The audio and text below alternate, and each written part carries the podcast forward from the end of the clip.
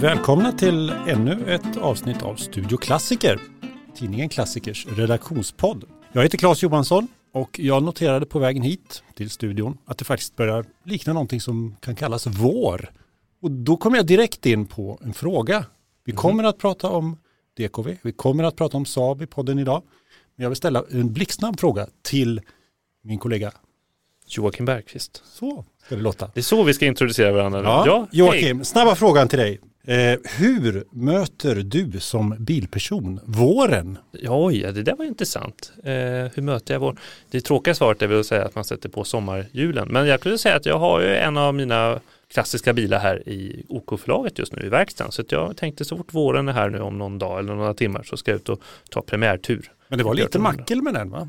Ja, det, en av tändkablarna ger eh, helt annat motstånd än de övriga tre. Så den misständer lite nu. Men nya grejer är på väg. Så att det, Nya grejer på väg, för när jag gick förbi där, där igår kväll. Det var lite, Ja, lite gick- arga miner och sådär, men det är alltså bara någon kabel som... Ja, jag tror faktiskt bara det är Ja. det. Eh, Så att, för man såg på det tändstiftet också att den eh, såg inte ut som de andra. Så det Så- måste ha hänt med tändkabeln. sen är det rakt ut i våren med den där. Ja, jag tror det. Jag tror det, kommer. det är en, alltså en, min Volvo 1800. Precis. Carl Egelius, bilperson nummer två i det här sällskapet. Av tre möjliga tänkte jag säga. Hur möter du våren så som varande en bilperson?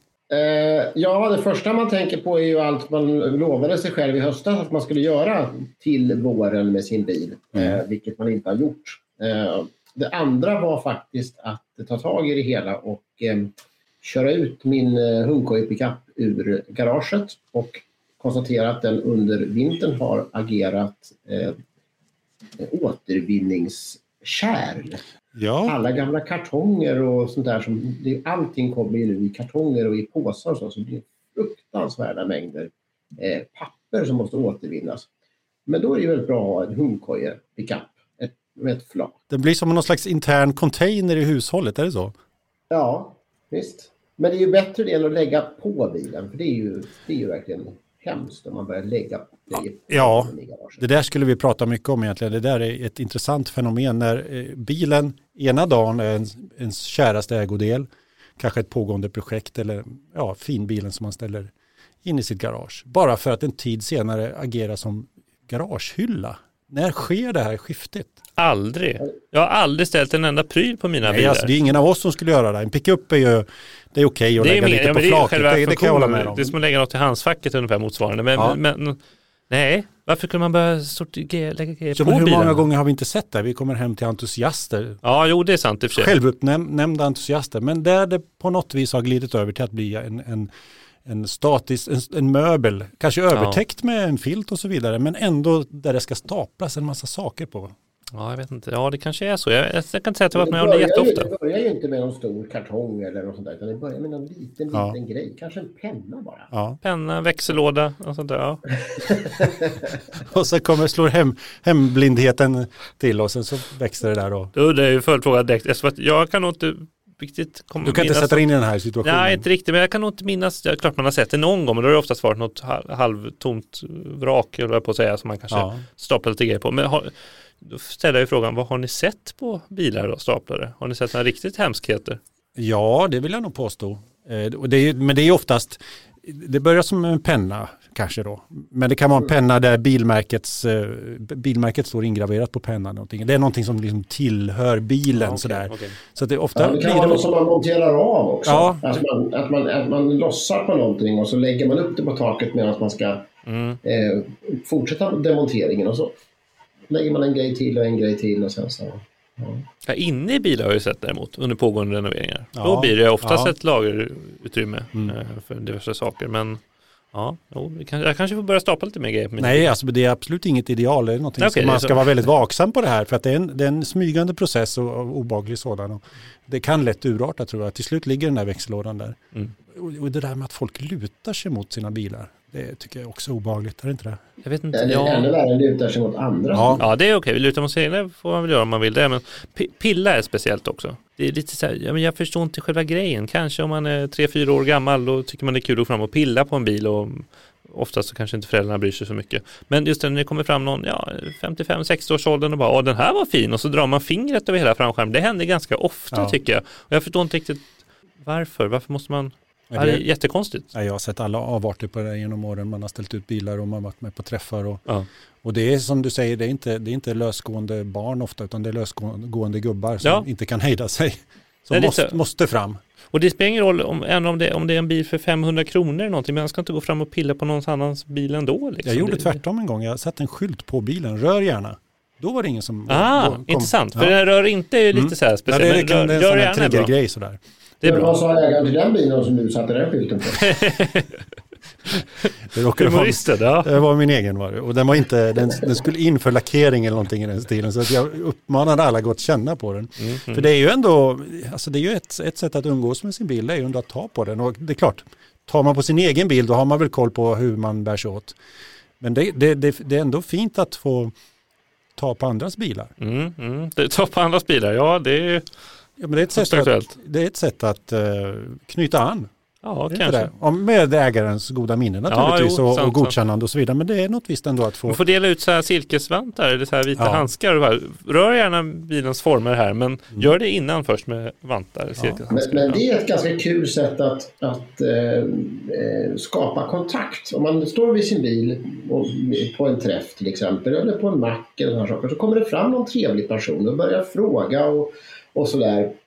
När man kommit förbi den här första frågan om årsmodellen så, Ja. och, och så, så kan man se om det här är någon som är riktigt intresserad och känner man att det här, men, ja, men här, här har vi en självströmning. Om man då säger så här att vill du provsitta?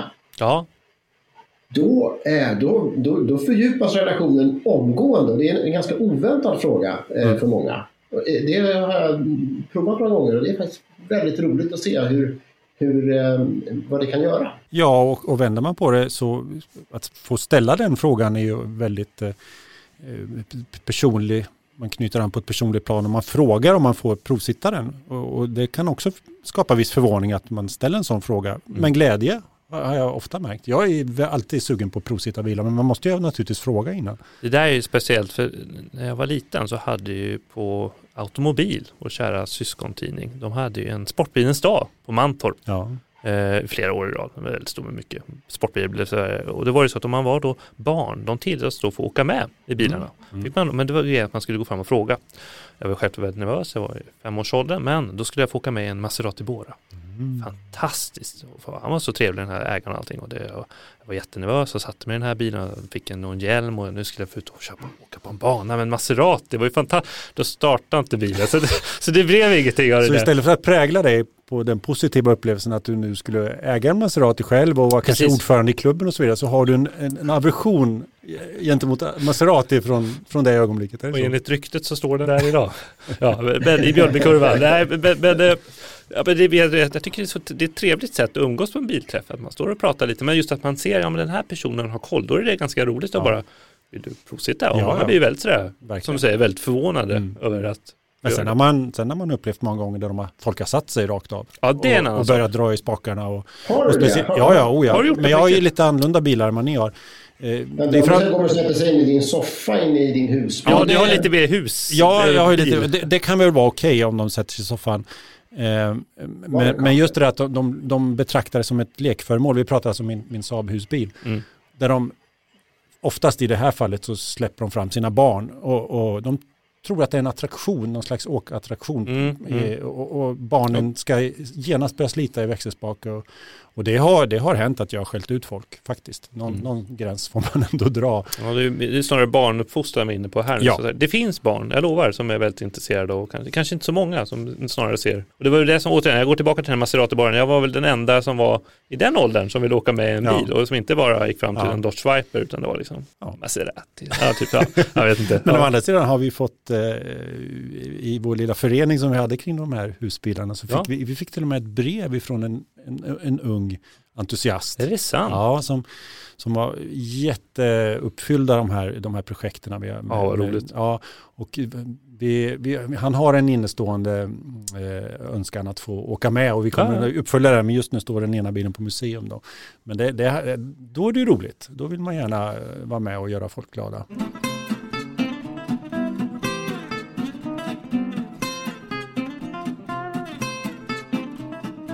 Jag erkänner, jag har gått lite fort fram här. Jaha. Eh, för innan våren så hade vi en lång, lång, lång vinter. Det kändes så ett tag där. Mm. Bara snö och elände och kallt, eller kallt åtminstone.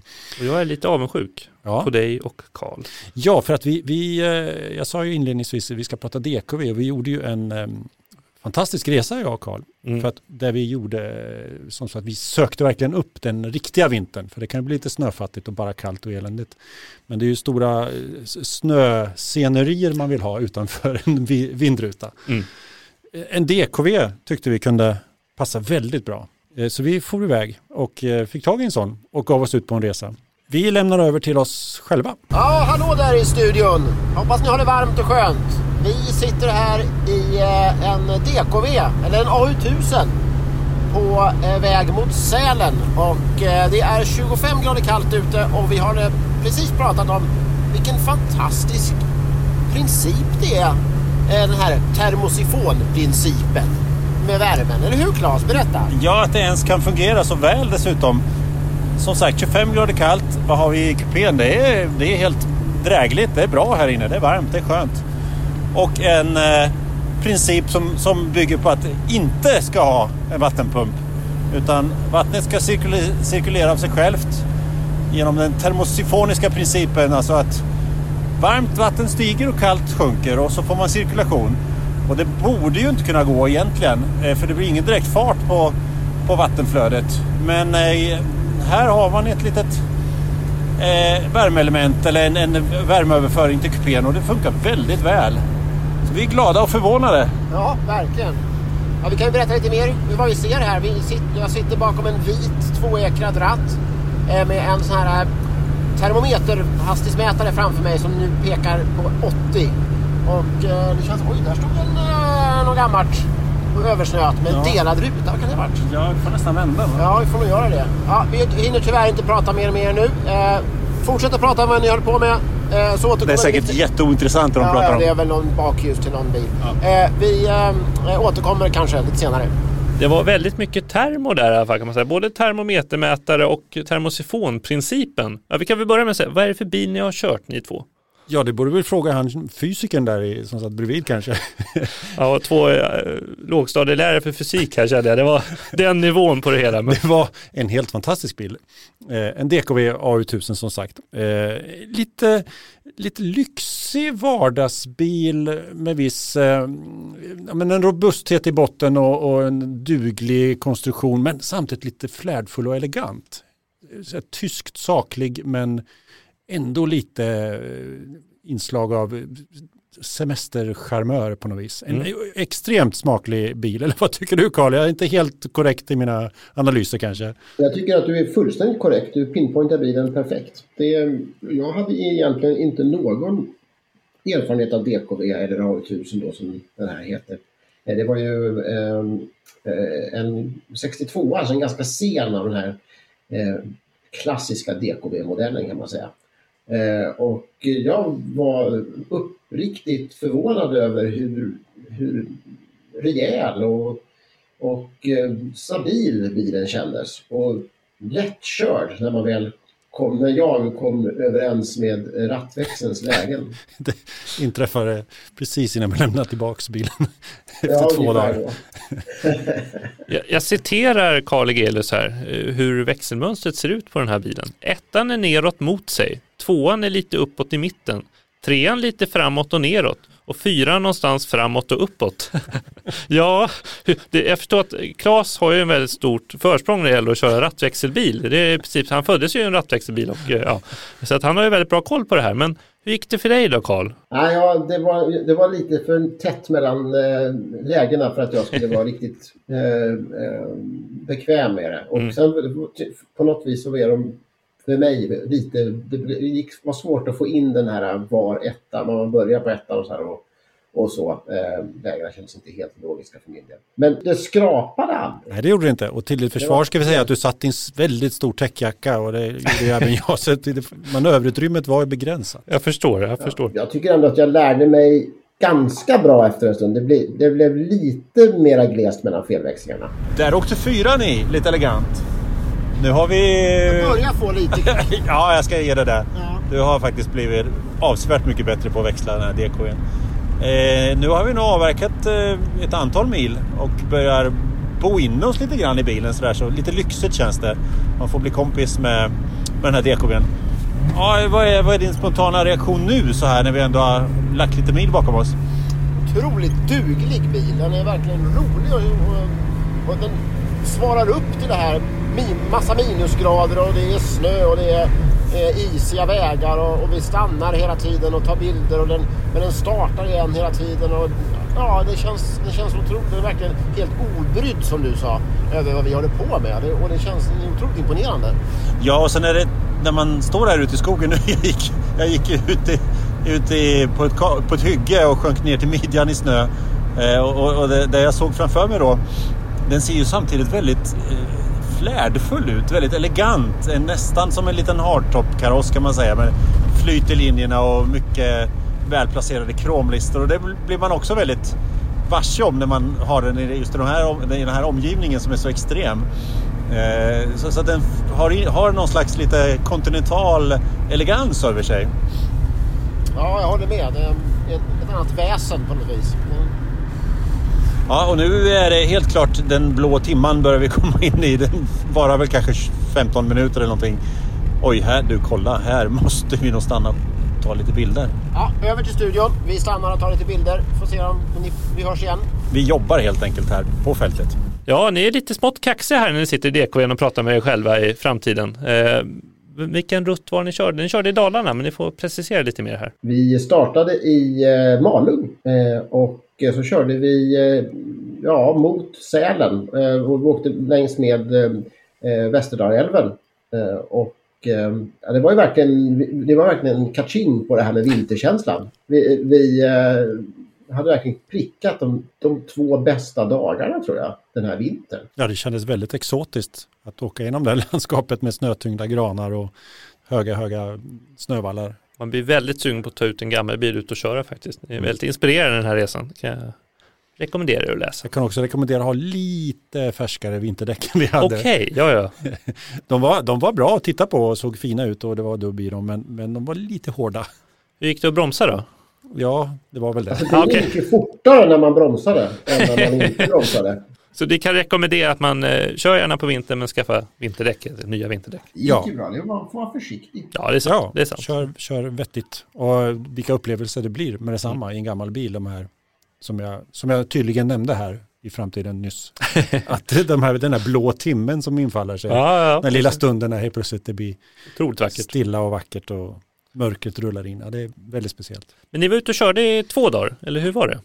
Ja, vi, tog, vi körde ungefär 25 mil på två dagar. Det är ganska mycket det. För att man stannar hela tiden och man eh, vänder och måste undersöka saker mm. och sådär. Och, så att, och, ja, så det är, en ganska lagom sträcka tycker jag. Så vi eh, hade siktat in oss på att bo i Älvdalen eh, över natten. Och eh, jag hade ju då missuppfattat det där med eh, jag tyckte att jag hade läst någonstans på hotellets hemsida att det fanns garage. Men det gjorde det inte. Ja, hallå i studion. Nu är klockan sex på morgonen här och eh, vi ska ge oss av på andra dagen. Eh, i, det är en annan tidsräkning som gäller här. Eh, och nu har bilen stått ute i natt. Det är minus 20 grader. Eh, vi ska se om den startar. Okej okay, Claes, ut med choken. Ja, den är där. Så.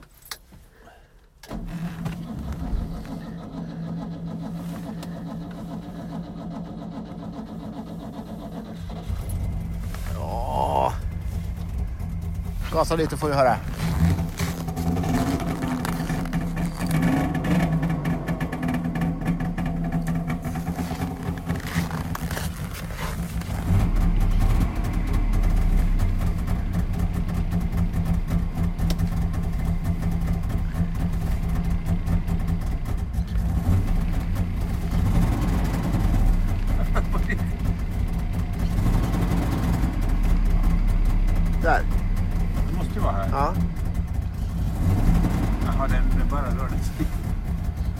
men det känns ju bra. Ja, fantastiskt. Ja. Inga problem alls. Vi återkommer snart med nya rapporter. Klart slut. Över till bakljusen i studion. Jag har kört helt nya bilar som är mer svårstartade än sådär. Det där var ju lite, nästan lite för lätt Vad är det för fusk bakom det här nu då? Nej, det är han, skicklig hantering av tjåk och alla ingående re, reglage. Vi fick ju en fantastisk eh, instruktion av ägaren. Ett, ett, ett och ett halvt A4-blad tätskrivet med Det är bra. tips och råd inför eh, vinterresan till DKV. Och då var det så här att ja, drar ni ut choken ordentligt och eh, eh inte rör gaspedalen och vrider på nyckeln så kommer den starta. Ägaren till bilen, Willy, han är ju en van vinterbilist eh, och har kört mycket med sin DKV. Eh, och in, räds verkligen inte kyla och elände och snöiga, snöiga vägar. Och det var ju ingen match för honom att låna ut den här. Så det var ju en helt vardagsnära situation tyckte han att vi skulle ut och åka långt med hans DKV.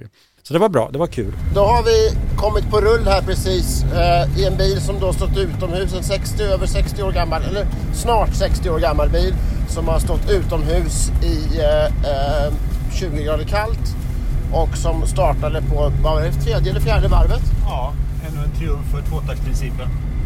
Och nu eh, är vi på rull. Hur är den att köra så här när den är kall rakt ner i allt överallt? Ja, jag var lite, jag väckte henne försiktigt här. Körde några varv lite lagom eh, fort och jag tänkte att jag var nog mest nervös för växlingen. Det är mycket lever och till rattspaken och så vidare som kanske har frusit eller så. Men det gick väldigt fint. Däremot styrningen.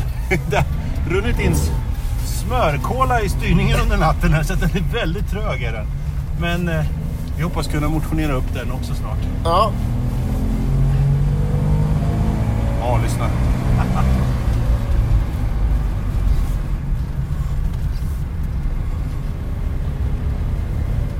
vi gör sällskap med timmerbilarna här på, på eh, vägen mot eh, Orsa från Älvdalen. Ullas tygaffär har inte öppnat än. Ja, vi är lite tidiga, Ja. tidigt ute kanske, men vi får ta det på tillbakavägen kanske. Det är minusgrader fortfarande i kupén. Får se hur länge det kommer att vara det. Men eh, ja, det här är ju fantastiskt roligt. Vilken ynnest att få hålla på med sånt här. Jag tycker inte de höll sig riktigt till sanningen för att kort efter eh, det här ljudklippet så hände det någonting. Ja, de höll sig verkligen till sanningen. De, de eh, konstaterade att det fortfarande var lite minusgrader i kupén och det var ju, berodde ju på en sak. För antagligen så drabbades bilen av en lättare ispropp i kylsystemet, i själva termosifonen.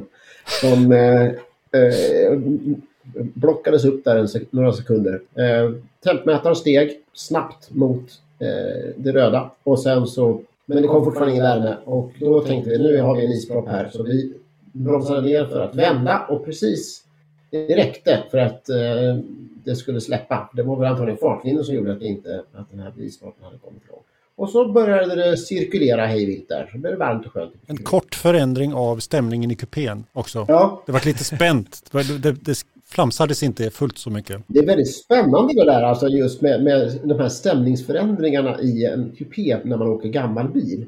Hur det kan vara, livet är 100 procent och så plötsligt så händer det någonting, ett ljud, en liten skiftning i, eh, på någon mätare eller sådär och så, så är allting ställt. Så Plötsligt så inser man hur skört det är och hur allting ställs på sin spets. Men då är man ju så glad att man har en bilperson med sig. Mm. För då har man någon slags, något samförstånd ändå att det är så här det är. Det, det finns inga garantier för att vi kommer fram eller att vår, vårt eh, noggrant planerade schema håller. Utan det är ju tjusningen och det som är roligt med de här utfärderna. Verkligen. Men det här var alltså det enda missödet som skedde under er resa. Ja, det var ju någon där som var väldigt stor expert på, på tvåtakts... Eh, Termosifonprincipen. Eh, bränsle och såna här saker, hur man skulle blanda och så som, som eh, Ja, men det vet man väl. frångick de här råden. Du tänker på den här lappen som jag såg fladdra omkring in i kupén lite planlöst och hamnade på golvet där bak. Ja, det var inte jag som la dem på golvet. Det var några instruktioner va? Ja, det var det. Väldigt noggranna instruktioner. Ja, nu är det friska takter igen. Snuddar nästan 90 km i timmen här på E45 mot Malung. Och vi har ju sagt hela tiden att allting har gått så bra. Och det har det gjort. Fram till att det inte gick så bra längre. Vad var det som hände? För det var ju faktiskt du som körde Karl, inte jag. Ja, vi eh, tankade ju bilen eh, lite i förväg. Det var bara lite här liten välmeningsgrej. Egentligen hade vi kunnat köra hela vägen till Smalung. Vi hade gått om soppan. Vi tänkte ändå att vi ska vara på den säkra sidan. Så vi Åkte in på macken, tankade, blandade i eh, olje, oljetrycks... Vad heter det? Olje, olje, olja. Tvåtaktsolja. Tvåtaktsolja i soppan. Körde ut och brassade ut och kände att eh, den gick som, en, som på räls genom rondellerna ut, genom, ut från Mora där. Och så plötsligt så la den bara av. Hade ingen kraft alls. Så att eh, det blev en eh, halvtimmes eh, felsökning i en vägkorsning i, eh, i, i ett av Moras yttre industriområden.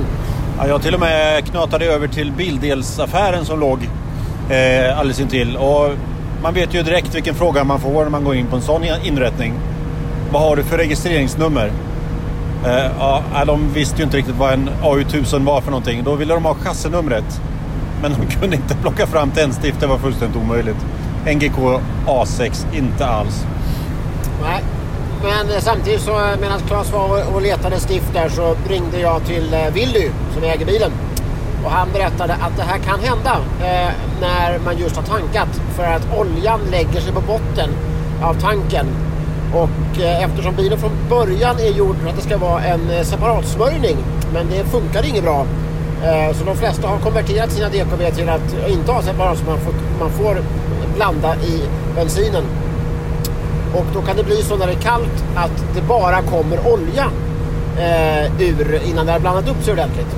Eh, och då kommer det bara olja in i förgasaren och då går det inget bra. Så att vi fick, eh, vi plockade bort alla stiften men eh, sen satte vi tillbaka dem igen och så hällde vi i lite, en liten slurk soppa i förgasaren och efter ett tag så bluddrade den igång och sen rök det något så fruktansvärt. Så det ligger väl fortfarande kvar lite rök här i Mora tror jag. Ja, Nej, men eh, det var lite moppemäck gånger tre där. Trecylindrig moped på något sätt. Eh, det är väldigt charmigt och väldigt eh, enkelt att ta sig an sådana här grejer ändå. Även om man inte... Man behöver inte vara superexpert. Man får testa lite sådär. Och kolla här, finns det gnista? Finns det, får den soppa? Och allt det där. Roligt. Men nu är det full fart igen mot Malung. Och vi lämnar över till er tråkmånsar i studion. Eh, ni kan väl komma med något som kanske kan vara intressant, men troligen inte. Hej hej! Man känner av en viss lättnad från er två. Att ni fick igång den här eh, motorn. Självutnämnda ingenjörer på drift. Ja, verkligen. Pigs in space. Ja, ja men det är killar med koll på läget, det hörs ju lång väg. Ja, verkligen. Ja. ja, men det var ju faktiskt lite kul. Det är ju alltid också så när man, när, det, när man eh, får stopp, då, då skapas det ju nya situationer som eh, också i efterhand är roliga att tänka på. Och sen eh, bara, redan där så var det faktiskt så att det kom fram en massa trevligt folk som vi pratade med. Det var någon som hade haft en gul 63 och det var någon som hade kört isracing, eller om det var hans brorsas kompis eller så, som hade kört på isen med sådana där DKV. vi fick en speciell sorts uppskattning och vänlighet också av en, en ägare av en um, Chevrolet tror jag. Han, han uh, vittnade om att han en gång hade blivit bärgad när han hade fått stopp och då såg han det som sin plikt att faktiskt stanna och hjälpa en annan med, ah. människa i, i, i, samma situation. Det är bra. Det är fint. Karma. Mm. Ja, vad hände sen då efter det här missödet? Ja, vi kom fram till Malung och lämnade tillbaka bilen till Ville och alla var glada. En fantastisk två dagars resa var klar. Det här är ju alltså Sverigeresan. Vi har haft den här serien länge, länge i klassiker. Det är ju lite av en favorit att ge sig ut med gamla bilar om, om nu lyssnarna inte har, miss, om de har missat den detaljen. både favoriten att läsa och skriva. Och ja, verkligen. Och jag tycker vi skickar ut en, en liten efterlysning. Mm. Ni märkte ju här att det är två fullfjädrade ingenjörer som tar sitt ansvar och sköter om eh, de inlånade ja, det bilarna. Ja, det gör ni verkligen oh, ja. faktiskt. Men... Vi är alltid öppna för att få låna bilar helt enkelt. Hör gärna av er till klassiker. Sen får vi se vilken del av landet eller något annat land eller vad det nu blir som vi hamnar. Men mm.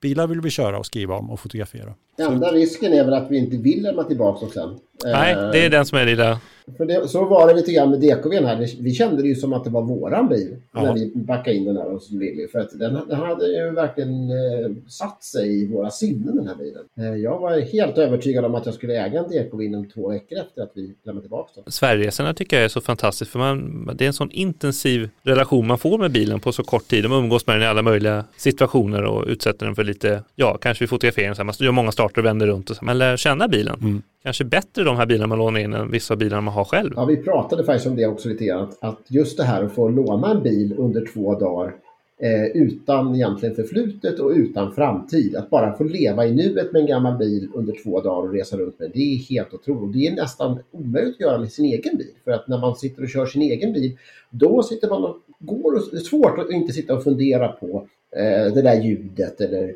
eh, om, man kanske borde byta däcken för att få lite bättre, eh, mindre vibrationer eller massor med sådana saker som, som surrar omkring och man, man är, det är svårt att vara i nuet när man kör sin egen bil. Så att, även om inte läsare kan skriva egna reportage och få låna bilar på det, men låna ut bilar till varandra.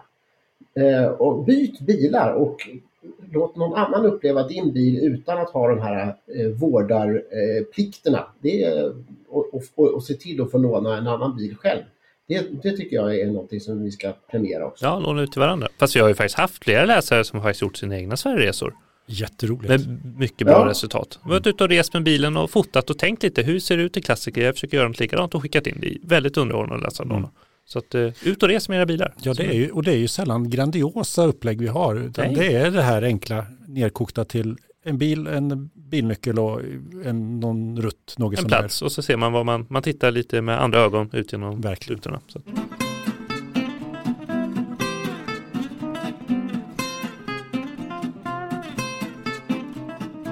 Och i senaste numret så har vi också en mycket speciell köpguide, nämligen Ja, vi kan lyssna på den här bilens ganska så karaktäristiska ljud. Får ni försöka gissa vad det är för bil sen.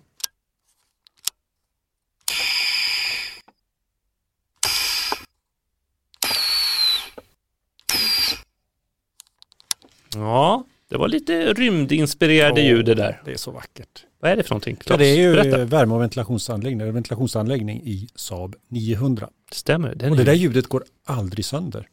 Nej. Du kan sätta dig i en riktigt risig Saab 900 men ljudet är alltid helt. Och slangarna går sönder däremot så försvinner det lite. Ja, det, det sitter långt innan slangarna det är sant, går sönder. De håller ganska bra. Ja. ja. det är alltså, vi kan förklara här då. Via vakuum då så styrs de här olika spälen då som skickar ja, varmluften runt i kupén då på olika sätt. Ja, det här lilla, lilla biljudet som kommer efter pyset. Ja. Det låter lite som man knycklar ihop en liten fin, eh, litet konfektyrpapper av något ja, slag. Lite, lite.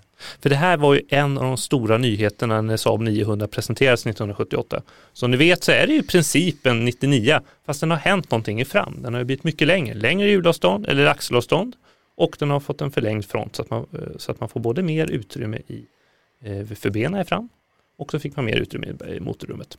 Och så hade man ju då nyhet nummer två, instrumentbrädan. Mm som är helt fantastisk. Den ser inte riktigt ut att passa in i bilen kan jag tycka. Det ser ut som den ska sitta i en annan bil. Ja. ja, det skulle kunna vara så. Men hela det här värmesystemet då som var ytterligare var en av de här nyheterna. Det var ju då utvecklat ihop med Linköpings universitetssjukhus. För den stora nyheten var ju kupéluftfiltret. Mm. Och det kan man tycka idag är en ganska självklarhet. Klart man ska filtrera luften som går in till personerna som sitter inne i bilen också. Det var det inte på den tiden. Så att, um, det var en kort liten förklaring av värmesystemet på en. Det roliga var att, att, att instrumentpanelen var ju i princip oförändrad under hela eh, produktionstiden, eller hur? Stämmer, fram till 93 i stort sett likadant, lite olika färger och sånt där.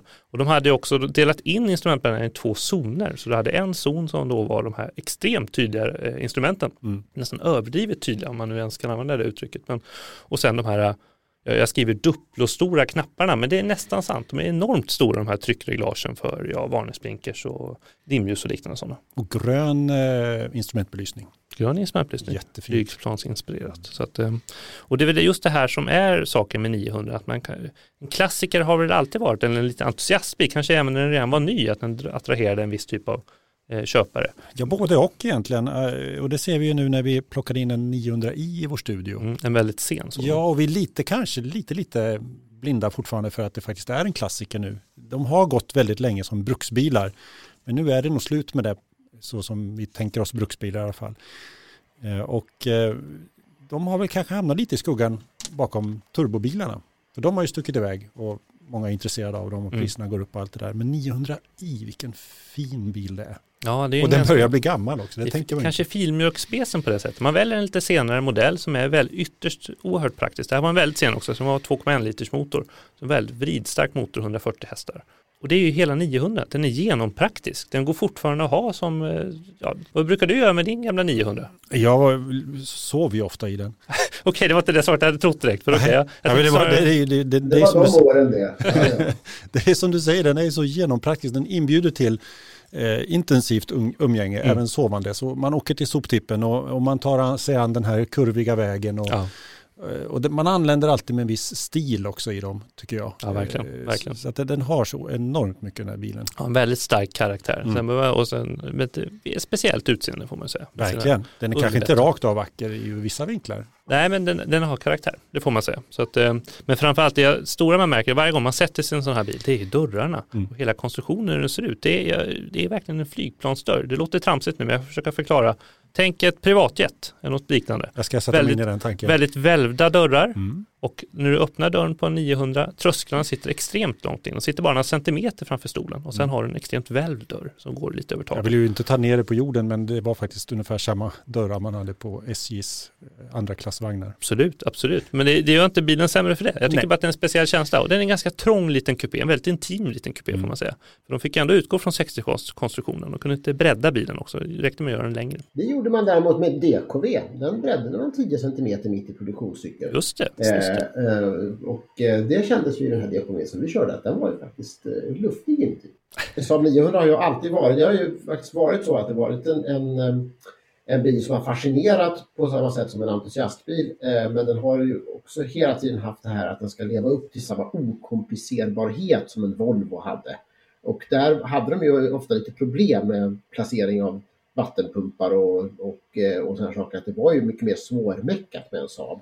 Så det, det, det var ju en bil som inte på samma sätt inbjöd till, eh, till den här GDS-aren som en Volvo. Om man tänker utomlands så var det ju väldigt främmande men i Sverige var ju var och varannan liten småstad hade ju en Saab. Det var ett antal moment och handgrepp som man, om man väl lärde sig det, Ja. eller hade någon som kunde hjälpa en med det, så var det inte så. Mm. Den är väldigt rätt fram ändå. Om, om, man, om man nu ska ange Volvo 240 som någon slags eh, lägsta nivå på vad en me- mekvänlig bil är, då Mm. är man ju nere på en extremt låg nivå. Ja, verkligen. För det är ju Ja, nej, men det, det är bisarrt lätt skött. ja, jag, tycker, men jag tycker lite spännande just den här att de här två bilarna existerade eh, bredvid varandra Mm. eh, och att de faktiskt slutade tillverkas samma år, 1993. Mm.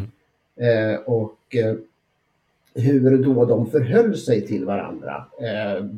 De, hade inte, de här två bilarna hade inte sett ut som de, hade, som de gjorde om inte den andra hade funnits, någon av dem. Nej. Saaben hade inte haft eh, de här stora stötfångarna och eh, kanske airbag och så. Om inte Volvo hade funnits där eh, med, med, och gått i bräschen med det. Och Volvo hade inte kommit med turbo tror jag, om inte Saab hade kommit med det mycket tidigare. Och eh, de hade stannat kvar i sitt mera präktiga och inte varit inne och nosat så mycket på, på eh, sport, det sportiga som, som det blev när, när man hade Saab som en sorts eh, motvikt i svensk bilindustri. Som du säger så är det ganska roligt att det är två 60-talskonstruktioner som har mer eller mindre desperata uppdateringar för att leva fram till 90-talet. 900 blev ju ett medvetet val till Mm. att köra Volvo. Alltså det var verkligen nästan en motreaktion mot att folk körde Volvo 240 så köpte man en som 900 istället för att den var lite annorlunda, lite mer dynamisk. Tror du verkligen det? Min- Från, min, från den, min horisont så Mm. de som valde en 900, för de fanns inte Volvo. Då jag väljer mellan Saab eller Volvo. Nej det tror jag inte, men jag tror inte Volvo-människan gjorde det heller. Nej. Man höll hårt på sin och för, för, Ja, det var två parallelluniversum och Exakt. aldrig skulle de mötas. En helkombi är bättre än en halvkombi och så tyckte de precis tvärtom på Mm. de andra och liknande. Så att, eh, ja. Men vilken är er favorit 900 då? Om ni fick välja en 900, vilken skulle ni ha? Claes räcker upp handen här. Ja, alltså man kan ju genast plocka fram de här tidiga turbobilarna, de med trubb, trubbnos och sådär. Och det har jag mycket pe- personliga nostalgiminnen med kring det. Men, men jag går förbi dem. En av de trevligaste 900 tycker jag, eh, mest kompletta harmoniska, det är faktiskt 900S. Eh, jag vet när den kom där på sluttampen på modellperioden och eh, vi hade den som testbil och jag körde omkring med. Jag tyckte det var en fantastisk bil och det där ljudet framför allt. Mm. Att den är snarare var optimerad för vridmoment än en hög effekt Mm. gjorde den väldigt, väldigt körbar och trevlig och i vardagslag sådär. Det, den, den håller jag väldigt högt. Ja, 900 med sin lättrycksturbo, 145 hästar och den var ju som sagt som du säger, det var ingen prestandaorienterad variant som Aeron eller Turbo 16 och sådär. Men, men ja, den hade kraften när man behövde den Mm. faktiskt. Ja, jag gillar den. Karl då, vad, tycker du, vad känner du? Eh, ja, då får man väl gå tillbaka till, eh, till sitt, sitt förflutna. Och eh, den 900 som gjorde, har gjort störst intryck på mig, det var eh, jag, fick, jag hade en praoplats på ett företag. Eh, faktiskt inte alls långt från där eh, klassiker ligger. Samma gata till och med. Och chefen där heter Roffe. Och han, han eh, dubbelparkerade alltid ute på Yngargatan för han visste det att det, då skulle polisen vara, de, de hade inte lapplisen något att säga utan, han, men, eh, utan de var tvungna att ringa polisen då och de visste efter ett tag att han hade span så att om, om polisen kom så sprang han ner och flyttade på. Det var väldigt sällan. Och han hade en tvådörrars eh, 900 turbo 8-ventilare. Vilken färg? Den här gröna, vad heter den? Eh, Akaciagrön? Eh, nej, den var senare den här. Den här jag, jag, kan faktiskt inte säga vad den heter, men det är en väldigt, väldigt speciell snygg grön färg. Och så hade den i alla fall eh, beige skinninredning. Och eh, en gång, jag hade precis fått körkort Eh, eh, mitt sista år på gymnasiet. Jag hade då praoplatsen där. Och då skulle han åka till London på, några, på en långhelg. Och då fick jag köra honom ut till Arlanda med hans 900 turbo. Och mot att jag hämtade honom sen några dagar senare så fick jag disponera den där bilen. Och eh, den disponerades kan jag säga. Han hade inte noterat mätarställningen kanske? Nej, eh, det var lite, en, en liten detalj som var ett jobb, eh, som var att Roffe hade innan han eh, lämnade över bilen till mig, några dagar innan, så hade han eh, blivit lite upprörd i trafiken. Så han hade råkat bryta av eh, blinkerspaken. Eh, så att det fanns ingen blinkers på bilen eh, som fungerade i och med att det inte gick upp. Så att I vänstersvängar var det extra jobbigt så då fick jag, jag gjorde jag så att jag utvecklade en teknik där att jag drog ner rutan med elhissar och sen så stack jag ut blinkerspaken genom rutan när jag skulle eh, svänga vänster och eh, det funkade faktiskt. Eh, och jag hämtade Roffe på flygplatsen och körde hem honom och ja, det var en, en, en mycket, mycket, några mycket sömnlösa dagar som jag hade den där bilen. Fantastiskt, vad roligt. Men det, det är ju ett konnässörval, en tvådörrars Saab 900 Turbo. Men, Väldigt ovanligt. Ja, men en tredörrars hade eh, vaktmästaren hemma i byn när jag sommarjobbade. Aha, okay. En akvamarinblå med, alltså. Mm, med blå plyschklädsel. Vi, en dag skulle vi rensa ogräs. Eh, och det var så tråkigt och det var varm sommar och sådär. Mm. Och då tyckte Mats, vaktisen där, att ah, men vi ska ha lite musik. Så då backade han ner sin 900 turbo. Aha. Men jag kommer så väl ihåg det, han ställde den inte bara hur som helst, utan han skulle ställa den så skulle vi betrakta bilen ur en speciell vinkel samtidigt som vi rensade ogräs på bollplanen. Och sen öppnade han dörrarna och så drog han på eh, vad det nu kan vara, Modern Talking, nej det var senare. och, och, och, Komponentstereo från Clarion. I och med att vi ändå var hyggligt flitiga, vi jobbade kommunalt så vi mm. var ju flitiga, så flyttade vi ju vårt rensningsställe, så den här vinkeln ändrades kontinuerligt under dagen där. Varpå då Mats givetvis gick bort, parkerade om bilen, ändrade vinkeln och så vi kunde ha en fin blick mot den. Jätteroligt. Och den var, den var ganska ny då förmodligen? Den var ganska ny. Mm, fantastiskt. Men eh, om det var en tredörrars och en tidig, i alla fall 79, så hade den ju Eh, vanliga inkafälgar. Men det är ganska nära min favoritmodell här. Låt höra. Det är ju faktiskt, som du säger, en akvamarinblå är ju den här fantastiskt ljusblåa fina kulören. Men man vill ju ha en halvkombi när det gäller 900. Sedanen är all ära, men det ska vara en halvkombi om det är en Saab för att få med det praktiska. Och de här små fina operafönsterna som femdörrarsvarianten hade. Eh, och den tycker jag är tuffast. Och 900 turbo första åren, de hade ju då, i alla fall femdörrars, hade TRX-hjul. Just det. Då hade de några år in på 80-talet där och eh, väldigt svårt att få tag på idag och väldigt dyrt att få tag på idag. Det är millimetermått istället. Men det är nog min eh, ideala eh, 900. Det är en 79S femdörrars akvamarinblå med T-rex-färger. Tar du in genom framdörrarna? det måste vara bilvärldens kort... kortaste dörrar i förhållande till bilens ja, längd åtminstone. Det, ja, som sagt, tredörrars och femdörrars är lika långa bilar. Ja. Men eh, dörrarna ska de ha fler på sidan helt plötsligt när de bygger en femdörrarsvarianten. Så det, det, det tar, tog lite mer ja. eh, utrymme och väldigt korta dörrar. Men lika ja. välvda kan man säga att de är fortfarande. Ja, ja. men din eh, rekommendation då Joakim, är det att ni har satsat på en turbo då eller vad, vad är din köprekommendation efter att ha borrat dig ner i det här? Ämnet. Det är ju så såklart att turbo och Saab är ju någonting som är väldigt starkt förknippat och det är det också folk drömmer om. Eh, och fortfarande så har inte 900 blivit riktigt lika dyra som 99 turborna. Inte riktigt i alla fall, men de är på väg upp. Vissa turbos går fortfarande att hitta för skapliga pengar. Men det är faktiskt att slå till på en icke-turbobil. För de går fortfarande att hitta väldigt, väldigt fina. Speciellt sådana här sena bilar. SN är i och för sig en lätt, lättrycksturbo, men om du tar en i 2,1 eller en vanlig i på slutet så går du att få ta på, ja inte riktigt enägarbilar, men inte långt ifrån.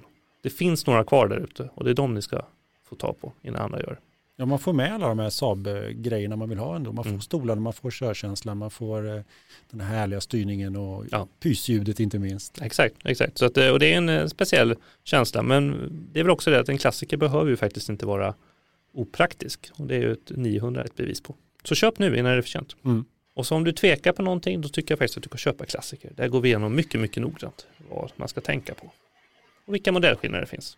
Och framförallt hur eh, julkapslarna såg ut. För vi valde nämligen att fotografera med original julkapslar. Ja, För det är något som alla byter, mer eller mindre. vad ärofälgar på den här när den kom in i... Ja, jag avslöjar att faktiskt Yngve som äger bilen fick vara så, vara så god att leta fram plastkapslarna de hängde i garaget.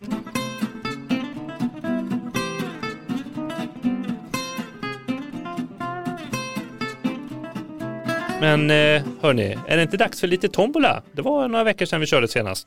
Ja, rulla igång termosifonprincipen. Du chokar så bra, du får börja choka. Startar så fint varje gång. Vi ser här när Är Karl... det tvåcylindrig eller trecylindrig den här tombolan? Ja, vad tror ni? Det är Lancia förgasare, behöver jag säga mer? Akta fingrarna. Exakt. Där har vi nog någon lapp då. Ska vi se. Då ska vi se vad vi kan läsa på den här. Jaha, eh, Saab 900. Ja, jag kan berätta om eh, när jag var, jobbade som vaktmästare. Jaha. Var det en akvavariblå kanske? Ja. Hur visste du det? Jag jag tar hört det. tror jag faktiskt. Okej, ja, vi, kör- vi kör en gång till då. En kort start får det bli här.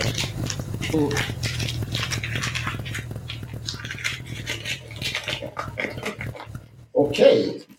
DKV. Nej! Nej, det står faktiskt inte DKV. Jag skojar bara. Ja, du ska jag till. Det står faktiskt Fiat 600. Jaha, titta.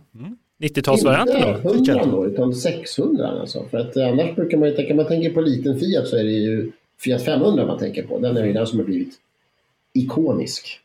Eh, folk köper den bara för att ha den utanför sin butik. eh, för att locka in folk in i, i italienska städer eller någonstans. Eller varför, den är så otroligt hanterlig. Och, Mm. så.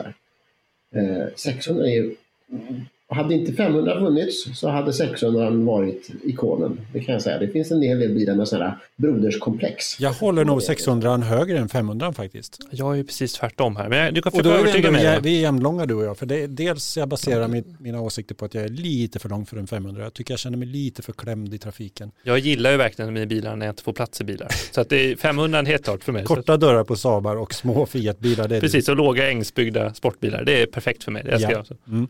Nej men eh, jag tycker 600 har kvaliteter som 500 inte har. Absolut. Och då har- tänker jag inte bara på att den är lite, lite rymligare. Den är också, Framförallt motorn. jag tycker också att den är lite trevligare att köra och Mm. den har, eh, Det är lite mer bil över den. ja, och det man slås av i en 600 när man far omkring i den, förutom att den är väldigt körtrevlig i sig, det är reglagen. Den har inte särskilt många egentligen. Nej, men Den har fler, fler än 500 men inte många.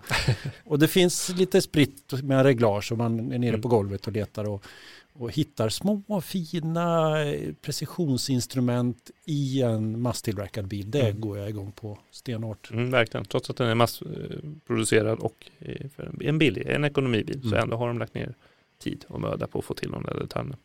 Men eh, då är frågan, felvända dörrar eller inte? Ja, alltså jag vill ju alltid ha gångjärnen på rätt sida, nämligen där bak. Det är bak. Jag ju- rätt. Du svarade rätt på frågan. Där. Ja. Alltså, Felvänd är nämligen när man sitter i fram, tycker Precis. jag. Så, Ja. Karl då, du ser lite... Ja, ja, alltså jag, kör, jag och en, min kompis Henrik vi var ute och körde på Öland för några år sedan Just det. eh, med en Fiat 600, en, en sista årsmodellen. Eh, nu tror jag, jag tror att det var 69 som var sista årsmodellen. Eh, och eh, den hade ju då, eh, ja det var det sista utvecklingssteget och den hade ju dörrarna då eh, som normala bilar och eh, det kändes ändå som att den hade utvecklats lite grann den här bilen så att den kändes Eh, ja, jag, jag gillade den, men det kanske var mer exemplaret som jag gillade än, än årsmodellen. Men den, den var väldigt trevlig. Vi hade några väldigt trevliga dagar när vi var ute och och upplevde den här på Öland. Sverigeresesyndromet igen. Man är väldigt Mm. inne Ja. i... Jag blir väldigt kär i bilar Ja, men man så är det. det är återigen det är ett utmärkt sätt att i, i, i, intensivt lära känna en, en, en bil. Verkligen. Man plockar upp mycket av bilens eh, egenheter och karaktärsdrag.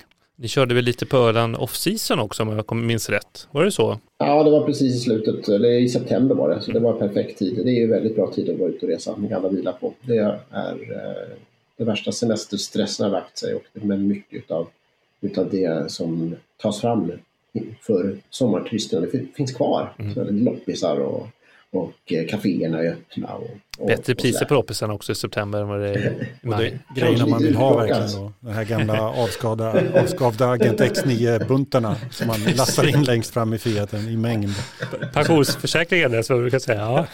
Allt som blir kvar. Ja. Nej, men öar är också väldigt bra. Och, och, och, resa på. Det är någonting, någonting med öar som gör att det är otroligt. Eh, den begränsningen, den geografiska begränsningen gör att man kan inte ha bråttom någonstans. Utan man, man eh, kan utforska eh, alla skrymslen och går. I alla fall om det inte, inte är öar i, i storleken av Storbritannien, ja. Storbritannien, kanske mindre öar. Ja. Gotland och Öland. Och ja. Visingsö har ju Visingsö. Ja, Visingsö är bra.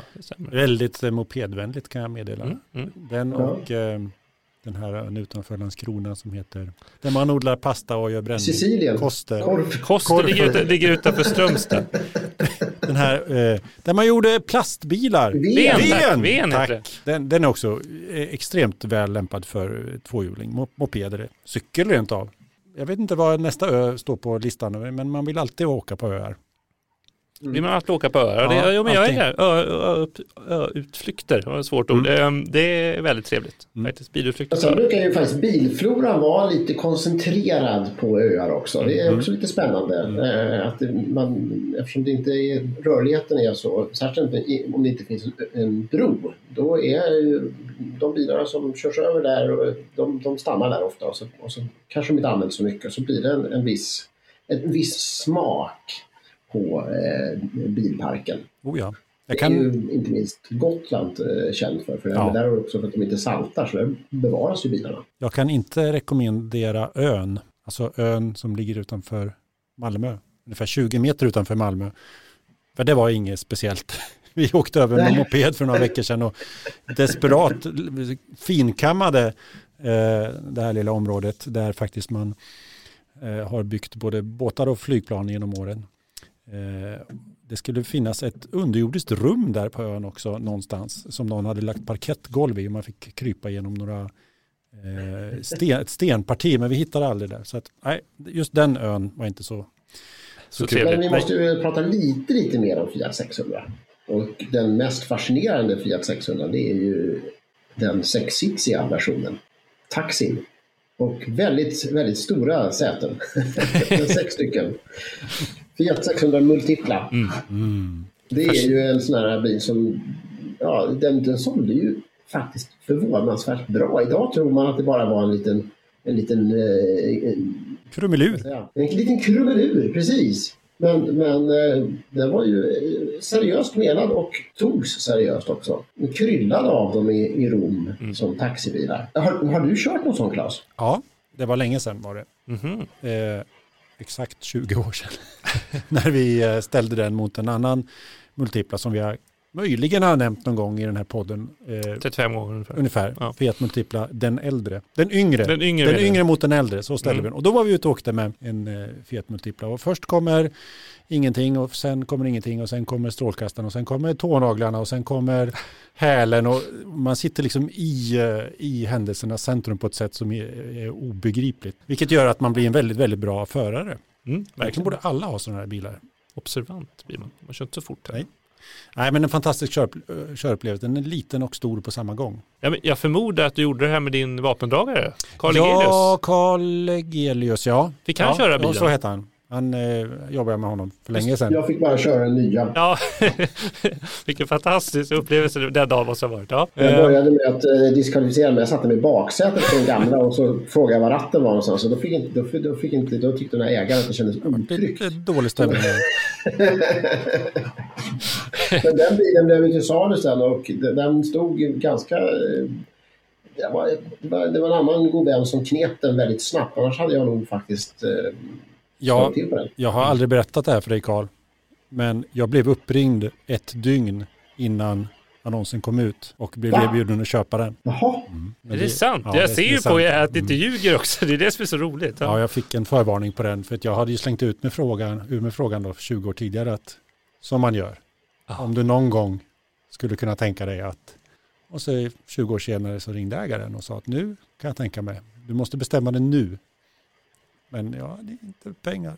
Det här kommer leda till att ni börjar jobba i separata rum framöver. Det är väldigt känsligt där får man säga. Men, ja. men varför sa du nej Han hade säkert en då? baktanke med det. Att han ville rädda mig från det här. Han trodde inte att jag skulle klara av att köra från Nej, baksätet. nej, nej, men då hade det blivit bara dålig stämning. Sitter fortfarande i baksätet. Ja, jag har kört, kört omkring på honom i baksätet. Nej, Men varför sa du nej? Därför att jag inte hade pengar. Det är oftast det enklaste Ja, det och rakaste och Det sannaste var, svaret. det var skönt att det var det svaret, att det Ja. inte var att du inte ville ha den. Nej, nej, nej. Alla vill ha en gammal Alla vill ha en Fiat Multipla Jag innerst det. inne. Tror De vet inte om det bara. Ja, öar och Fiat 600, Tombola, DKV, Saab 900. Allt möjligt i den här podden. Och inte minst termosifonprincipen. Ja, och i vanligt, som vanligt så plockar vi fram en liten manuslapp här och tittar förvånat varför står det en massa saker på den här lappen. Det här skulle vi prata om, så har vi pratat om något annat. Ja, som vanligt. Du som lyssnar på det här, eh, ett, har du en bil att lå- låna ut till oss, hör av dig. Två, ta tag i det här nu och fixa en prenumeration på klassiker om du inte redan har gjort det. Man kan alltså prenumerera till höger och vänster, man kan prenumerera på tidningen, man kan prenumerera på podden och man kan prenumerera, ja prenumerera, det är det jag vill ha sagt. Mm. För att då får du allt det här roliga som, som vi håller på med hela tiden. Vi åker Sverigeresor och vi testar bilar och vi upplever en massa saker och då blir du en del av det här, du som lyssnar. Ett hjärtligt tack för att eh, jag fick hänga lite med er här igen. Mina kära kollegor Joakim Bergqvist, Tack så jättemycket. tack Karl Egelius Tack så mycket. och vi säger på återhörande.